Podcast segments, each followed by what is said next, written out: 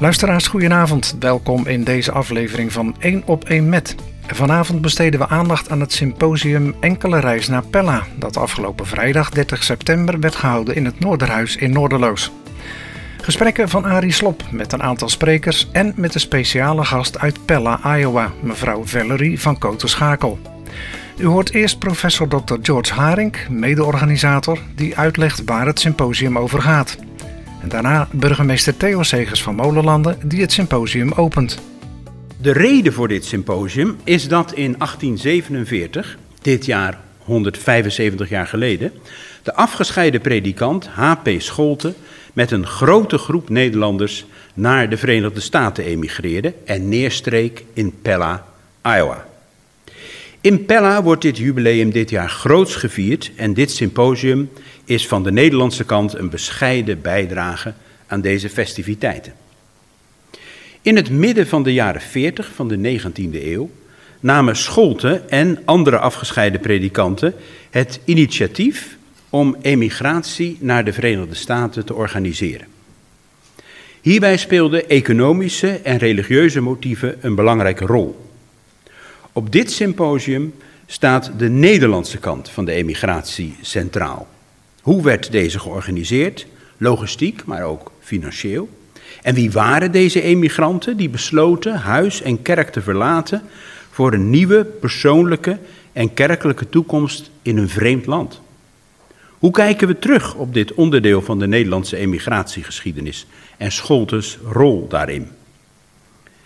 Het is opvallend dat in het gezelschap van honderden emigranten, dat via Scholte bijeen werd gebracht, relatief veel personen afkomstig waren uit Alblasserwaard. Wie waren deze mensen? Waarom gingen juist zij mee met Scholte? En wat betekent vandaag de betrekking, ook de genealogische betrekking, van de huidige inwoners van Pella met Nederland en met deze pioniers uit de 19e eeuw? Het is daarom extra speciaal dat we dit symposium hier kunnen houden, in Noorderloos, in de omgeving waar veel emigranten vandaan kwamen. En dan wil ik nu graag eerst het woord geven aan burgemeester Theo Zegers van deze gemeente Molenlanden. Het is mij een hele eer, eh, beste mensen, om eh, dit uh, symposium te mogen openen.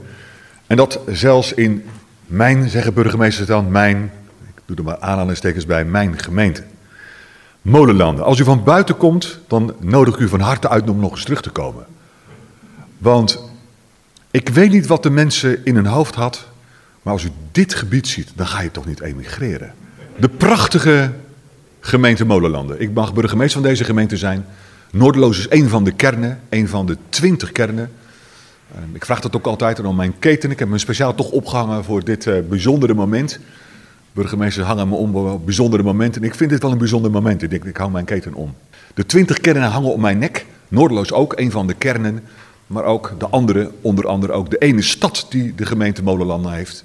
Nieuwpoort. Ik hoor hem al fluisteren.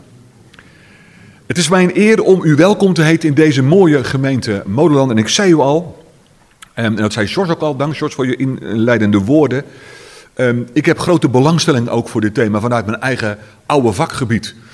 Um, ik ben als schoolmeester opgeleid en toch kriebelde dat uh, de historie. En toch naast mijn werk geschiedenis gaan studeren, uiteindelijk afgestudeerd aan de VU. Met 19e eeuwse kerkgeschiedenis als specialiteit. En ik dook nog in mijn kast en ergens tussen het rijtje afscheiden kwam ik een paar aantekeningen van mij tegen, mijn eigen aantekeningen uit 1986. Um, van een boek van Lichterink, een boek van Stellingwerf over Amsterdamse emigranten. En zelfs nog een tekst van A.C. van Raalte en A. Brummelkamp, Landverhuizing of Waarom bevorderen wij de volksverhuizing en wel naar Noord-Amerika en niet naar Java? Maar uit mijn eigen aantekeningen. Het is een uniek gebeuren. Ik wist niet dat ik hier ooit zou staan, 36 jaar na dato.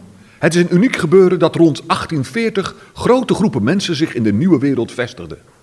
Waarom verliet men die oude, vertrouwde gemeenschap?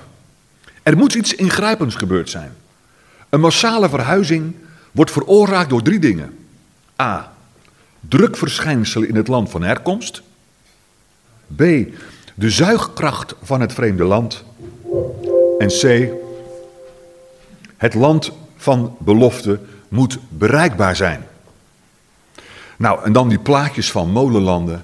En dan denk je, het land van belofte moet bereikbaar zijn.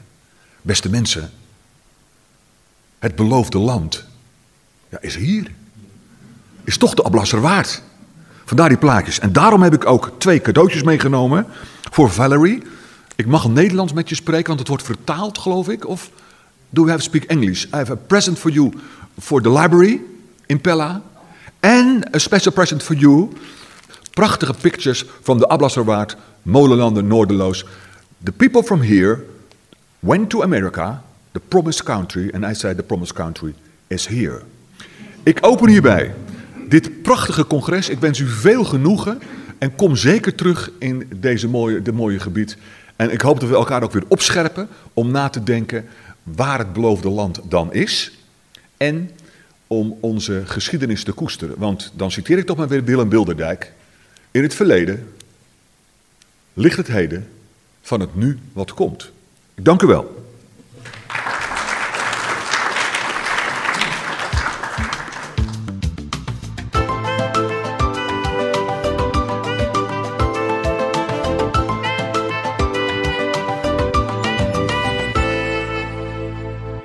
Een aantal gesprekken met de inleiders op het symposium Enkele Pella in het kader van emigratie naar Amerika onder leiding van H.P. Scholten. Ik ga als eerst in gesprek met Dr. Jos Haring, hoogleraar geschiedenis aan de Theologische Universiteit Kampen, Utrecht en aan de Vrije Universiteit in Amsterdam. En hij spreekt op het symposium over herinneringen. Maar, professor Haring, misschien eerst even het kader waarbinnen dit symposium plaatsvindt. Uh, dit symposium vindt uh, dit jaar plaats omdat het 175 jaar geleden is dat de emigratie naar Pella plaatsvond. En hij vindt plaats in Noorderloos omdat veel mensen uit deze kant van de Alblasserwaard mee zijn gegaan met die emigratie. Dus hij wilde graag een verband hebben tussen het onderzoek wat aan universiteiten gebeurt met de lokale geschiedenis en de lokale historische verenigingen. En wat is in één zin, of misschien ook wel in twee zinnen, de reden van de emigratie? Oké. Okay. Um, Scholte behoort tot de afgescheiden kerken. Vanaf 1834 hebben zich kerken afgescheiden van de Nederlandse hervormde kerk, omdat ze het niet meer eens waren met de leer en met de liturgie, wat er gezongen werd. Die hebben eigen kerken gesticht. En die kerken hadden het moeilijk in Nederland, omdat ja, binnen de grondwet van 1815, die toen gold, uh, was er niet een algehele vrijheid van godsdienst. Ze zouden erkenning moeten aanvragen, dat moest op bepaalde voorwaarden. Daar hadden de afgescheiden moeite mee. En het gevolg was dat hun bijeenkomsten eigenlijk buiten de wet vielen. Als meer dan twintig mensen samenkwamen, volgden er boetes, uh, gevangenneming. Hè. Sommige predikanten hebben ook gevangen gezeten. En op een gegeven moment was toch de gedachte: dit is niet meer ons land. Wij kunnen ons hier niet vrij ontplooien, wij moeten ergens anders naartoe. Er is natuurlijk ook een economische reden. He, die is misschien wel net zo belangrijk geweest voor veel mensen, kunnen we niet helemaal nagaan. Maar het ging ook slecht economisch in de jaren 40. Misoogsten. Um, en mensen waren in zijn algemeenheid uh, vrij arm, hè, ook hier in deze streek. En nou, dan kwam er een alternatief en een mogelijkheid tot, ook tot een financiering van zo'n hele dure reis. En dat maakt het voor nou ja, in totaal ongeveer 800 mensen aantrekkelijk om met Scholten mee te gaan naar Amerika. Dank u wel voor deze schets. Dan spreekt u op het symposium over ja, uw herinneringen aan HP Scholten. Wat zijn die herinneringen? Nou, die herinneringen aan Scholten, daar bedoel ik mee. Hoe hebben we ons in Nederland Scholten eigenlijk herinnerd? En dan, dan valt toch op dat er eigenlijk niet zoveel aandacht is voor Scholten. Ook niet zoveel aandacht voor Pella. De aandacht, als het over emigratie gaat naar Amerika van Nederlanders, gaat het toch heel vaak over Van Raalte en over Holland, Michigan. En daar zit een grote Nederlands-Amerikaanse gemeenschap. En die in Pella heeft altijd minder aandacht gehad. Enig idee waarom? Nou, dat heeft een aantal redenen. Een van de redenen is dat latere migranten heel vaak ook naar Michigan gingen.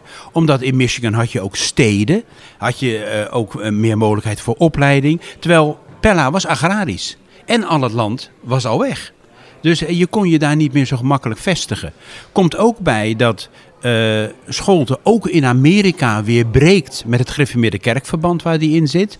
En veel migranten gingen graag naar iets herkenbaars. Dus een kerk waar een verband mee was of iets dergelijks. En de kerk speelde een grote rol in die tijd in de migratie.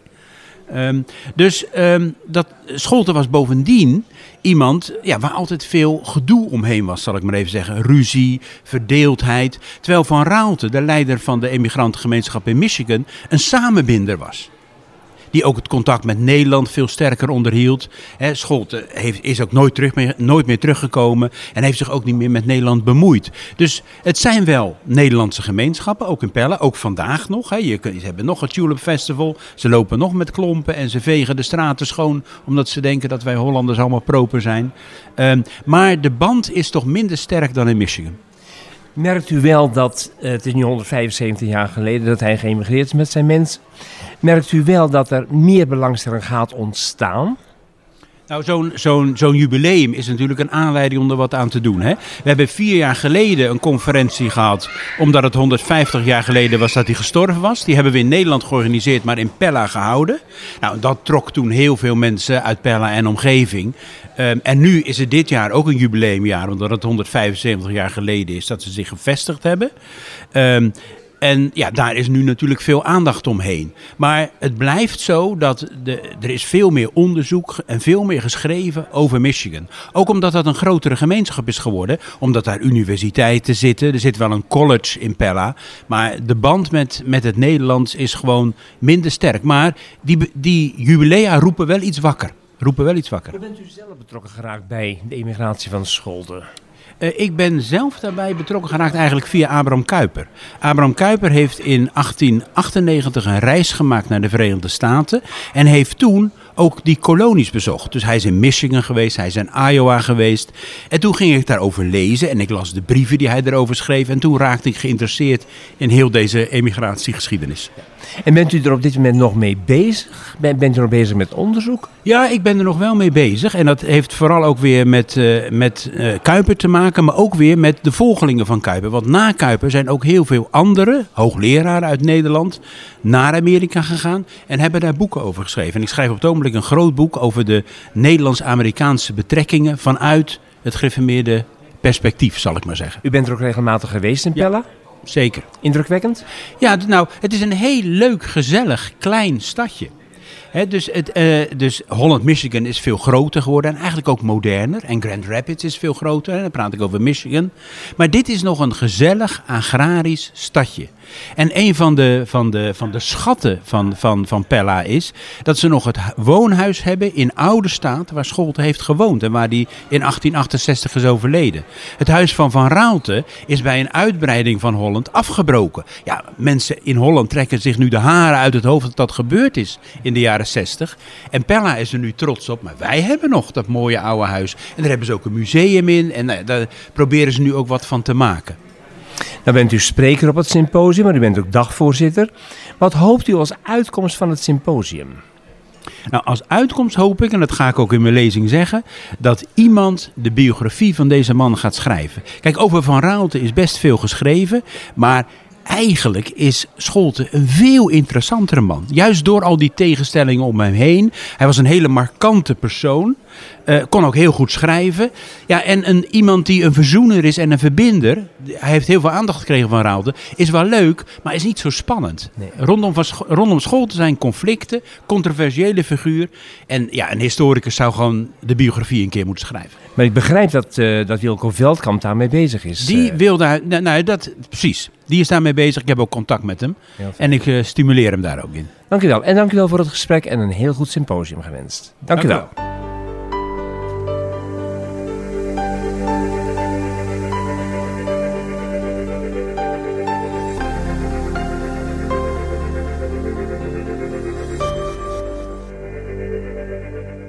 Het volgende gesprek is met Dr. Leon van den Broek. Hij is hoogleraar rechtstheologie en kerkrecht aan de Theologische Universiteit Kampen Utrecht. En de heer van den Broek, u spreekt over kerk en kerkorde op het symposium en enkele reis naar Pella. U zei in het begin van uw lezing van dat u Scholte ook wil zien door een Amerikaanse bril. Wat bedoelt u daarmee? Um, dat heb ik inderdaad gezegd, omdat ik ook daarvoor aangaf dat we vaak in Nederland uh, Scholten bezien door een Nederlandse bril. Daarmee bedoel ik dat vaak wordt gekeken uh, in bijdragen, in publicaties eh, naar uh, Scholte als predikant. En dan natuurlijk als een van de vaders van de afscheiding, een afgescheiden predikant. Waarvan we dan uiteindelijk weten dat hij na een tijd van verdrukking in Nederland de vlucht heeft genomen naar Amerika. Terwijl we in Nederland al zien, ten opzichte van zijn collega's, uh, maar zeker in Amerika, dat de beste man veel meer is geweest dan alleen maar een predikant. Die een querulant zou zijn geweest. Maar dat hij ook door die Amerikaanse bril gezien ook zeer betrokken was bij de, op de Amerikaanse politiek en ook in en, en of, of op het toneel van de politiek en de overheid ook een rol wilde spelen en dat ook deed. Hij schreef ook over die kerkstaatverhoudingen, over de Amerikaanse politiek, maar was ook als stichter van de kolonie Pella, was hij ook ondernemer. hij was raadsheer, hij was adviseur. Dus hij was een, een, een, een multifunctioneel mens kerk en kerkorde bij, bij Scholten. Wat, wat is het, het meest kenmerkende voor u daarin, in die relatie? Twee dingen. Ik heb uh, in mijn lezing ook uh, de kerk-staatverhoudingen erbij getrokken. Uh, omdat, omdat daarin ook naar voren komt, die, die relatie over kerk en staat. Dat als je het even met grote stappen gauw thuis formuleert. Het Scholte vooral ging om en een scheiding van kerk en staat. Dus die staat moet zich niet bemoeien met de interne organisatie van de kerk. Die moet ook niet de kerk gaan uh, dwarsbomen, uh, uh, zoals de afgescheidenen dat hebben ervaren in, de in, in Nederland. maar dus naast scheiding van kerk en staat ook het principe van de vrije kerk. Dus dat benadrukte ook dat die overheid die moet ook die kerken accepteren zoals ze zijn en ze niks in de weg leggen. Tuurlijk moeten de kerken ook zich houden aan de Nederlandse wet maar niet zo vervolgen uh, en onder druk zetten zoals de afscheidenen dat hebben ervaren in de eerste jaren van hun bestaan. Dat principe heeft hij verder doorgetrokken, zowel van scheiding en kerkstaat als van de vrije kerk in Amerika. Um, en in Amerika was ook al het principe van de Wall of Separation van Thomas Jefferson over scheiding van kerk en staat. En dat er ook ruimte in het publieke domein was voor de vrije organisatie van kerken. En Scholte is in Amerika heeft zich steeds verder ontwikkeld met hier en daar toch eigenzinnige opvattingen ook over die kerk. Naar steeds meer een, een, een, een doorontwikkelde vrije kerk. Dan zegt u in uw lezing dat volgens Scholte de kerk vrij zou moeten zijn. En dat zou beter zijn voor de staat. In welke zin zou dat beter zijn voor de staat?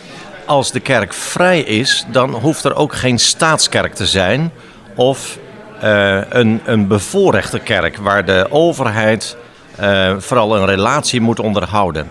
Een vrije, tijd, een vrije kerk excuus, betekent dan ook dat de overheid ook niet krampachtig moet gaan zien hoe, hoe om te gaan met die kerkelijke pluraliteit. De overheid hoeft zich daar niet in te mengen. Die moet als een neutrale overheid ge, gelijke godsdiensten gelijkelijk behandelen.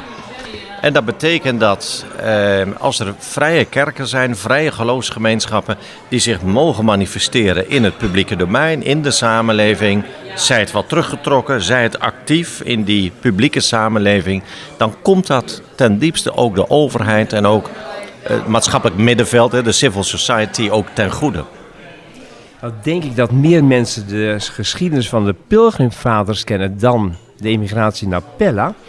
Maar ik heb begrepen dat een van de verschillen tussen de pilgrimvaders en eh, dominee Scholt is geweest de opvatting over de theocratie. Kunt u daar iets van zeggen? Klopt, inderdaad. Um, um, de pilgrimvaders stichten al een tijd eerder natuurlijk dan de emigranten uit de 19e eeuw hun, hun kolonie aan de oostkust van Amerika met een nadruk op theocratie. Waarin als het ware kerk en staat hè, uh, heel erg nauw in elkaar verweven zijn. Eigenlijk valt dat zo goed als samen. En dat principe wees Scholte af voor zijn nederzetting Pella, omdat hij ook in Nederland en ook elders in de wereld, hij ging zelfs ook terug naar Constantijn, hè, keizer Constantijn, de vierde eeuw waarin hij dus staatsgodsdienst als gevaar zag of een bevoorrechte kerk. En hij zag de uitwassen daarvan en dat zag hij opnieuw ook in de 19e eeuw toen hij nog predikant was eh, in de Nederlandse hervormde kerk, die niet een staatskerk was van koning Willem I, maar wel een bevoorrechte kerk. En daar uh, streed hij tegen. In uw lezing liet u ook vallen dat Scholt als eerste of een van de eerste de naam gereformeerd liet vallen. Waar komt de naam gereformeerd of het woord gereformeerd dan vandaan? Nou, dat speelde voor die afgescheiden kerken een grote rol, die naamgeving gereformeerd. Want als zij de pleidooi voerden en wilden staan voor die aloude Dordtse kerk, hè, waarmee we dan bedoelen uh, de Vaderlandse kerk zoals die uh, met name zich rond de synode van Dordrecht van 1618, 1619 had gemanifesteerd, met de beleidingsgeschriften, met een zuiver gereformeerde kerk. Hè. Die synode heeft ook de remonstranten buiten de kerk geplaatst. Um, dus een, een, een, een, nadruk op een zuivere gereformeerde kerk. En de afgescheidenen menen dat die Nederlandse hervormde kerk niet de goede, de ware voortzetting van die Dordtse kerk van de vroeg 17e eeuw was. Dus vandaar het pleidooi om daar weer tot terug te keren. Um, en dat betekende dus dat ze, waar de aloude gereformeerde kerk begin 19e eeuw de naam kreeg, officieel Nederlandse hervormde kerk, dat zij dus vonden dat daar te weinig ruimte was voor de gereformeerde beleidenis. Vandaar het pleidooi om terug te keren tot de Dordtse kerk. En dat betekende dus uh, dat ze wilden laten zien aan iedereen: wij zijn de ware voortzetting van de aloude gereformeerde kerk. Dus zij hingen ook daarmee ook aan die naamgeving gereformeerd. En uh, Scholten was als eerste bereid met zijn Utrechtse gemeente uh, 31 december 1838 om wel onder druk van de overheid die naam te laten vallen. Maar hij deed dat dan ook omdat hij dan de kans zag om wel erkend te worden door de overheid. En ja, ook uh, uh, niet meer zo vervolgd te worden zoals dat tot die tijd het geval was. We krijgen op het symposium de indruk dat Scholten zich werkelijk overal mee bemoeide, zelfs met de politiek. Is hij gehoord in de politiek of niet? Ja en nee. Ook in Nederland correspondeerde hij al met overheidsdienaren, met politici. En dat deed hij in Amerika ook. Hij had ook contact met uh, Abraham Lincoln, uh, Amerikaans, uh, bekend als Amerikaans president. Ehm, was ook actief achter de schermen, voorbereiden van bijeenkomsten voor verkiezingen enzovoort. En is dus daarmee ook in beeld geweest om ambassadeur te worden, Amerikaans ambassadeur in Wenen. Had natuurlijk ook wel gehoopt, misschien nog wel, om dat in Nederland te worden. Maar het was een beloofd door Lincoln maar men vond hem toch wel een uh, zeer eigenaardig persoon. Een kwillenland die maar beter niet ambassadeur kon zijn. Dank u wel, heel informatief wat u uh, zegt. Dank u wel voor het gesprek. Ik wens u een heel goed symposium. Hartelijk dank.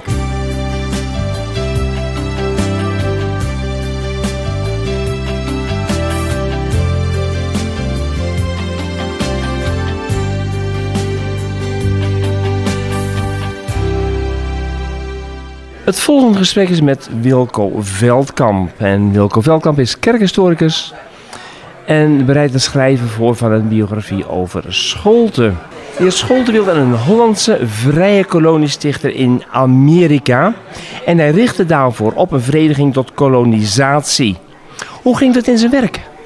Uh, het begon eigenlijk met heel veel schrijfwerk van hem. Dus hij heeft uh, in zijn eigen blad, hij had een eigen maandblad, de Reformatie, sinds 1837.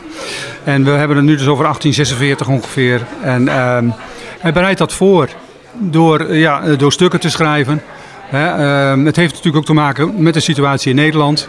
Op dat moment is er een aardappelziekte en een economische malaise in Nederland. En ja, men heeft nog steeds te maken met uh, eigenlijk ook met vervolgingen. In Utrecht speelde uh, op, dat moment ook een hele rechtszaak over vrijheid van godsdienst. Vrijheid van onderwijs is ook een probleem. Dus dat was een beetje de setting. En dan gaat hij daarover schrijven in zijn blad. En uh, bereidt daar, uh, omdat er ook steeds meer in het land, zoals ook in uh, heel Europa, hè, ook Ieren en Duitsers gaan op datzelfde moment naar Noord-Amerika. Dus het is ook echt, het, ja, het hangt in de lucht. Dus mensen willen dat ook. En Scholten, ja, dat is echt zo'n zo'n ja, zo'n leider die zich ook verantwoordelijk voelt. En dan de mensen ook via zijn schrijven aanspoort om, ja, om je te verenigen. Dat is voor hem heel belangrijk, want de praktijk had al uitgewezen. Er waren in Amerika best wel veel Duitsers ook, die waren gewoon helemaal vastgelopen. Die waren in hun eentje daar naartoe gegaan. Uh, die, waren, ja, die werden een slachtoffer van mensenhandel en van allerlei mensen die, uh, nou ja, noem maar op, zoals we dat tegenwoordig ook nog wel kennen. Dus daarom wil hij die vereniging, een, een vereniging van kolonisatie. Nou, heb ik een vermoeden dat er zowel vermogende mensen naar Amerika wilden, maar toch ook wel mensen die dat niet zelf konden betalen. Hoe, wat kunt u daarvan zeggen? Hoe, hoe ging die financiering? Dat is uw thema vandaag op het symposium. Ja, ja precies. Uh, nou, in het geval van Scholten. Uh, Um, Scholten schrijft ook een artikel hè, over uh, de roeping van de rijken uh, ten opzichte van de armen. Hè, uh, want het was hem toch ook wel zeker te doen ook om de armen. Het was dus ook niet alleen maar uh, een godsdienstig motief, maar ook zeker een economisch motief. En hij zag veel verarmde mensen en daar was hij echt mee begaan. Het was echt wel een sociaal bewogen mens, Scholten. Maar hij ziet ook wel dat dat, ja, dat, dat gaat allemaal geld kosten. Dus je hebt, dat zegt hij ook, je hebt beide mensen nodig je hebt mensen nodig die geld uh, zelf hebben en ook bereid zijn om geld te lenen of te geven. En dan de uh, om op die manier ook de armere mensen die voor weinig geld grond kunnen kopen in Amerika. Bovendien ben je daar vrij. Dus in Amerika heb je veel meer mogelijkheden om gewoon met, je, met alles wat je hebt, om daar een, een beter bestaan op te bouwen. Hoe kwamen ze trouwens uit in Pella? Ik bedoel, zijn er verspieders geweest die daar zijn wezen ja, kijken? Ja, ja, er was een Um, daarin is hij wel de enige. Ik denk dat Scholte, als je dat vergelijkt met andere afscheiden predikanten, uh, Brummelkamp en Van Raalte. Um, Brum, uh, Van Raalte die ging veel meer, ja, nou die ging niet helemaal op de bonnen voor, maar toch wel een beetje. Maar Scholte die bereidde dat echt heel goed voor. Daarom ook een voorhoede. Met, ja, met ook ter, ter zakenkundige mensen. Dus, hè, dus een, een agrariër, een timmerman, noem het allemaal maar op. Om echt dat landschap te, als verspieders te verkennen. Uh, en om voor te bereiden en, uh, ja, hoe het daar met de grond zat en zo. Dus hij uh, in het najaar van 46 gaat er dus een voorhoede. Die blijft daar ook. Want die hopen elkaar dan in april, mei, hopen ze elkaar te ontmoeten in St. Louis. Dus dan, maar die ene groep is er dan al vanaf oktober. Heeft u de indruk dat mensen die de reis niet zelf konden betalen, dat die uiteindelijk toch wel zijn gegaan? Dat iedereen wel is gegaan die weg wilde? Nee, nee, want uh, Scholte schrijft ook, daar heb ik het uh, helemaal niet over gehad. Want het, uh, maar er waren echt veel meer mensen die weg wilden dan die weg kon. voor hem had het ook te maken, hè, ik noem dat ook, in het reglement stond ook dat je, ehm, hè, dus dat je niet rooms mocht zijn. Hè, en, en dat je nou ja, een, ja, een verklaring van, van gedrag eigenlijk moest hebben, hè, zoals we dat tegenwoordig noemen. Uh, dus die mensen die vielen allemaal al, al, af, terwijl die daar ook brieven van kreeg. Ja. U heeft er gesproken inderdaad hè, over het reglement van de vereniging. Wat valt u het meest op in dat reglement? Nou, misschien... U noemt daar al iets van, van de ja, Roomse? Ja, ja, maar ook zeker dat... Uh, nou, het begint eigenlijk al bij het bestuur. Uh, Scholten was natuurlijk wel predikant. En um, hoe verstandig is het als je het steeds hebt over scheiding van kerk en staat... om uitgerekend als predikant president te worden van die vereniging... en om dan ook nog in artikel 34 te schrijven... de president heeft uitvoerende macht.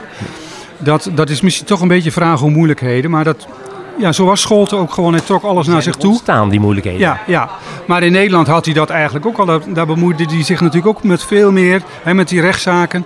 Dat was ook uh, hè, met de beste bedoelingen. Uh, ja, en ja, het was ook gewoon een ondernemer. Het was een ondernemer en een predikant. En uh, ja, dat speelt heel erg door elkaar heen. Alles bij elkaar. Was het geen gemakkelijke man? Nou, hij gaf nooit zijn gelijk toe. Dat was, dus hij was absoluut overtuigd van zijn eigen gelijk.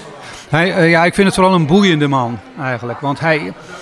Kijk, dat soort mensen, dat geldt voor Van Raalte op een andere manier precies hetzelfde, die naar Holland, Michigan ging. Um, um, leiders moeten misschien ook wel zo zijn. Uh, het zijn uitgerekend leiders. Hè? Dat geldt ook voor iemand als Abraham Kuyper of zo. Ik bedoel, dat waren, ja, die, waren, die, die vonden niet dat ze hier beneden waren om de mensen hun te, uh, naar de zin te maken. Die hadden een roeping en die. En dat was bij Scholten ook zo. En, uh, dus of het echt zo'n aangename man was. Um, Um, er wordt ook wel van hem gezegd dat um, uitgerekend hij degene was die eigenlijk uh, zelfs zijn grootste vrienden tegen zich in het, ha um, in het harnas kon jagen. Ja, dat, en dat was wel zo. Nou, nou zijn de mensen daar, ze krijgen een stuk land, dan konden ze daar kopen. Redden de mensen het financieel allemaal daar? Nou, ja, er zijn zeker ook mensen die teruggaan. en er was natuurlijk meer Kijk, ja, die grond moet verdeeld worden, daar, gaat het al, eh, daar wordt het al moeilijk. Ehm, maar de mensen die. Ja, er zijn zeker mensen die het daar goed gered hebben. Zeker, ook eh, vanwege de, ja, de prijzen. Hè. De, de prijs van, eh, van grond was laag. En, en er was heel veel ruimte, dus men kon hele grote ja, percelen kopen. Dus die mensen die redden het wel. En eh, vaak was het zo dat de, de armen, tenminste dat was ook een beetje afgesproken, die werkten bijvoorbeeld eerst twee jaar bij zo'n, nou ja, bij een boer of zo, eh, die hun had meegenomen. En dan eh, betaalden ze op die manier hun eventuele schulden af. Dus ik denk wel dat zij, maar ik moet ook eerlijk zeggen dat ik me daar nog meer in moet verdiepen. Ik, ik heb me nu gefocust op dit stukje. Maar ik denk dat ze het in Holland, Michigan bijvoorbeeld moeilijker hebben gehad. Omdat ze daar ja, een heel bos moesten kappen. Ik zeg het even simpel, op zijn veluws. Want, want dat is het natuurlijk, niet was veel meer. Dan, eh, eh, dan in Pella. In Pella was men, kon men eerder geld verdienen. afzetmarkt enzovoort. Dus ik denk dat het daar ergens wel in dat opzicht, in ieder geval materieel, eh, makkelijker was. Tot slot, wanneer kunnen we uw biografie over school te lezen? Ja, nou dat, dat zal nog wel even duren. Want ik ben er eigenlijk nog maar net eh, mee bezig. En ik ben nu vooral bezig met de bronnen. Scholt heeft enorm veel geschreven. Ja, eh, je hebt bronnen in Pella. Ja, kijk, ik, gezien mijn leeftijd hoop ik eigenlijk dat ik voor mijn AOW, en dat is over een jaar of vijf, zes, dat ik dan dat boek klaar heb. Dankjewel voor het gesprek. Heel boeiend. Oké. Ja.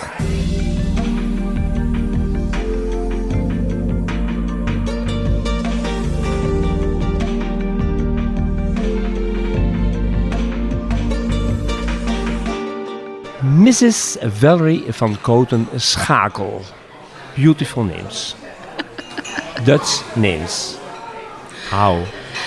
Well, I'm I'm 100% Dutch on all sides of my family, uh, as is my husband. So my I was a Terpstra. I'm Valerie Terpstra Van Koten, and my husband's family, the Van Kotens, were from Apeldoorn. And what is your job now? What is your relation with Pella? Yeah. Well, I grew up in Pella, and I am now the executive director at Pella Historical Society. And we promote and preserve Pella's Dutch heritage. We hold a tulip festival every year, um, and we invite. We have hundreds of thousands of visitors who come to Pella to see our, our city. Okay. It's the first time you are in the Netherlands, or No, I've been to the Netherlands several times, but I have not been to this um, this area. Most of my time has been spent up in the Friesland, Groningen area, or down south, but not so much here in the middle. And it's, it's beautiful. like the area? Oh, it's gorgeous. It's beautiful. Yeah. and what do you think about the Netherlands in, in totally? I I love to come here. Th- this sounds really strange, but I have other people in Pella who have told me the same thing. In that I rec- I recognize these people. I, I see you you for instance look just like a man in, in our hometown of Pella. Um, and, and so I feel like I belong. Like these are people I grew up with. And so that for me is the feeling that I have about the Netherlands is that even though I don't live here, I still feel like I belong here. Since when you have the interest in the history of Pella? Since when? Since I was born, I, I grew up in a family that was very history oriented. Um, my mother worked at Pella Historical as a secretary when I was in school, and I was a volunteer at Pella Historical when I was 10, 11, 12 years old already. And so I always was interested in the story of Pella, and every kid in Pella growing up knows the story of Skolty and the and the settlers, and um, seeing it from this point of view, from the viewpoint here going over is really interesting to me. Yeah. And in your job, you have a lot of contacts with Dutch people? Yeah, quite a few. I've met a lot of the people in the Dutch uh, consulate positions at the Netherlands America Foundation. Um, I have friends here um, in the Netherlands. We had a, two young women who came to Pella this spring who did a documentary on Pella. And so they're here today. I got to meet up with them again, and I believe we're going to watch their, their video later on. Uh, so I have quite a few contacts, and that's very nice. When did you arrive in the Netherlands now? I came in on Tuesday. Tuesday. Yeah. And then do you leave? I leave on Sunday. On Sunday. Yes. And then you will visit also your family? N- here? Yeah. No, no, not this trip. Um, I hope to take another one with my, my sons in a couple of years, and we're going to do some real digging into family history. Um, But this trip, I've gotten to meet most of my friends. They've come down to Utrecht or to Amsterdam to meet me, and so I've gotten to see a lot of them. Yeah. What is the meaning for you of this symposium? This, I'll be honest, this symposium, when they told me they were doing something on Pella, and I told that to Pella people, they thought it was crazy. They thought, why would they be doing something about our little town in the Netherlands? And I think a lot of people thought I just wanted to come over and have a trip. I don't think they really believe me. Um, I think it's wonderful that they're looking at it from from the other viewpoint. Um, I never realized how m- well known Schulte is among scholars in the Netherlands. Um so this has really opened a lot of doors for me to do more research. Mrs. Valerie van Koten Schakel. Very good to have this interview with you. Very pleasant. And we wish you a good stay in the Netherlands and Thank this you. area. And we wish you a very interesting symposium Well, today. thank you very much.